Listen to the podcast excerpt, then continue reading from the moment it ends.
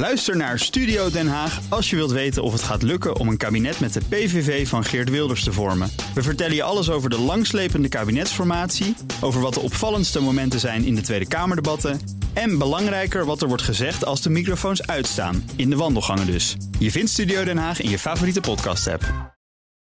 Tech Update. Met Joe van Buurik. Goedemiddag, Joe. Dag Nina en Kees. Meerdere vervoersinstanties in Nederland die hebben last van een cyberaanval die vermoedelijk uit de Russische hoek komt. Ja, klopt. Aken, hè? Jazeker, eh onder meer een DDoS-aanval waar meerdere instanties eh, last van ondervinden. Onder meer inderdaad de site van Maastricht-Aken Airport. Ook de site van OVNL is offline gehaald. Dus de Vereniging van Openbaar Vervoerbedrijven.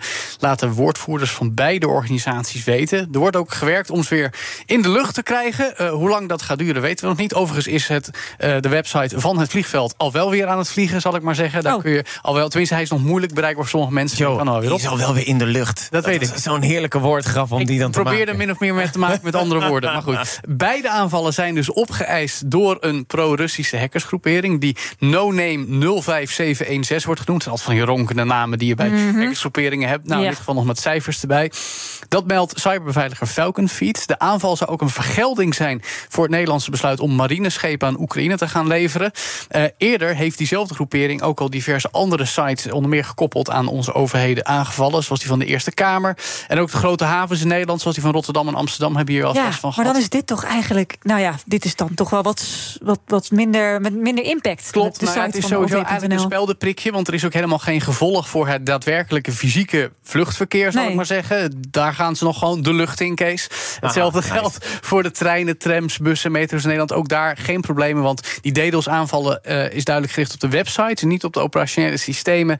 Dat is dan wel weer een opluchting, maar ook een beetje suf... als je kijkt naar wat die aanvallers nou eigenlijk wilden... en wat ze bereikt hebben. Mm, niet zoveel. Nee, Nee, ik ben ook niet van onder de indruk. nee, dan kan je beter hè, die Universiteit Maastricht... wat al Ja. een aantal jaar geleden met die... volgens mij was dat een, een miljoen... Ja, er was, eh, er was een ransomware-aanval, was een Ja. andere situatie dan ook... waarbij ook de universiteit echt betaald heeft... wat de gijzelnemers wilden in bitcoin. Mhm. Maar toen hadden de studenten en medewerkers daar ook echt last van. Ze konden niet bij hun bestanden. Dus dat was een heel andere situatie. Ja. Dan iets heel anders. PayPal die het heeft een eigen stablecoin gelanceerd. Ja, dat is toch wel interessant. Ze hebben al vaker dingen in de cryptohoek gedaan bij PayPal. Maar ze zijn natuurlijk een enorme speler wereldwijd. 431 miljoen actieve accounts. Mhm. En nu gaan ze dus echt met een eigen stablecoin aan de slag. Een eigen cryptomunt, PayPal USD. PYUSD afgekort, wordt uitgegeven door een ander blockchain- en cryptobedrijf, Paxos. Mhm. Kennen we ook al een beetje voor de mensen die iets met crypto's hebben. En daarmee is die stablecoin dus ook gedekt door Amerikaanse deposito's en ook andere assets, waaronder cash, gekoppeld aan de dollar. En daarmee wat ja, stabieler eh, te noemen, zeg maar. Net als de Tether, dat is eigenlijk de bekendste van de stablecoins. Als je kijkt naar stablecoins wereldwijd, zijn die volgens cijfers van CoinGecko al voor 126 miljard dollar in omloop. Het wordt toch gezien als een iets veiligere vorm van cryptovaluta. Maar het feit dat juist PayPal hier de naam zo nadrukkelijk aan verbonden heeft, maakt het interessant. Wordt langzaam maar zeker uitgerold voor klanten in de VS. Ze willen op die manier een dominantere speler gaan worden al in de wereld van direct digitaal geld overmaken. Dat is ook de grote ambitie van CEO Dan Schulman, voordat hij binnenkort gaat opstappen bij PayPal. En dat kunnen ze daar goed gebruiken, Nina, want de afgelopen twa- 12 maanden is PayPal 35% van de beurswaarde verloren. Oh. Het is een van de slechtst presterende bedrijven in de Nasdaq 100-index. Dus dat kan echt wel wat beter. Vraag is een beetje of dat hiermee dan gaat lukken. Gezien de regelgeving die juist ook in Amerika steeds strenger wordt, is het sowieso met crypto lastig.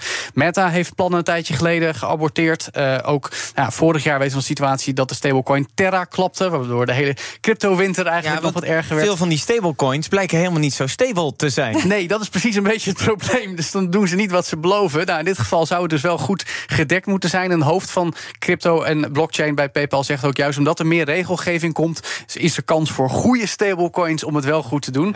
Nou, of dat dan ook gaat lukken, dat zal moeten Ja, want dan eigenlijk klinkt het een beetje als een soort noodgreep van PayPal. Maar nou ja, goed, ze zien daar te de negatief. toekomst en dus willen ze er wel serieus op blijven inzetten. Ja, maar je moet ze wel allemaal gedekt houden. Dus dat is ook Klopt. maar de vraag. Als het niet zo goed gaat met je bedrijf, is het ook lastiger om al die stablecoins te dekken. Dan. Zou het dan toch een gok zijn? Ik wil het niet zeggen.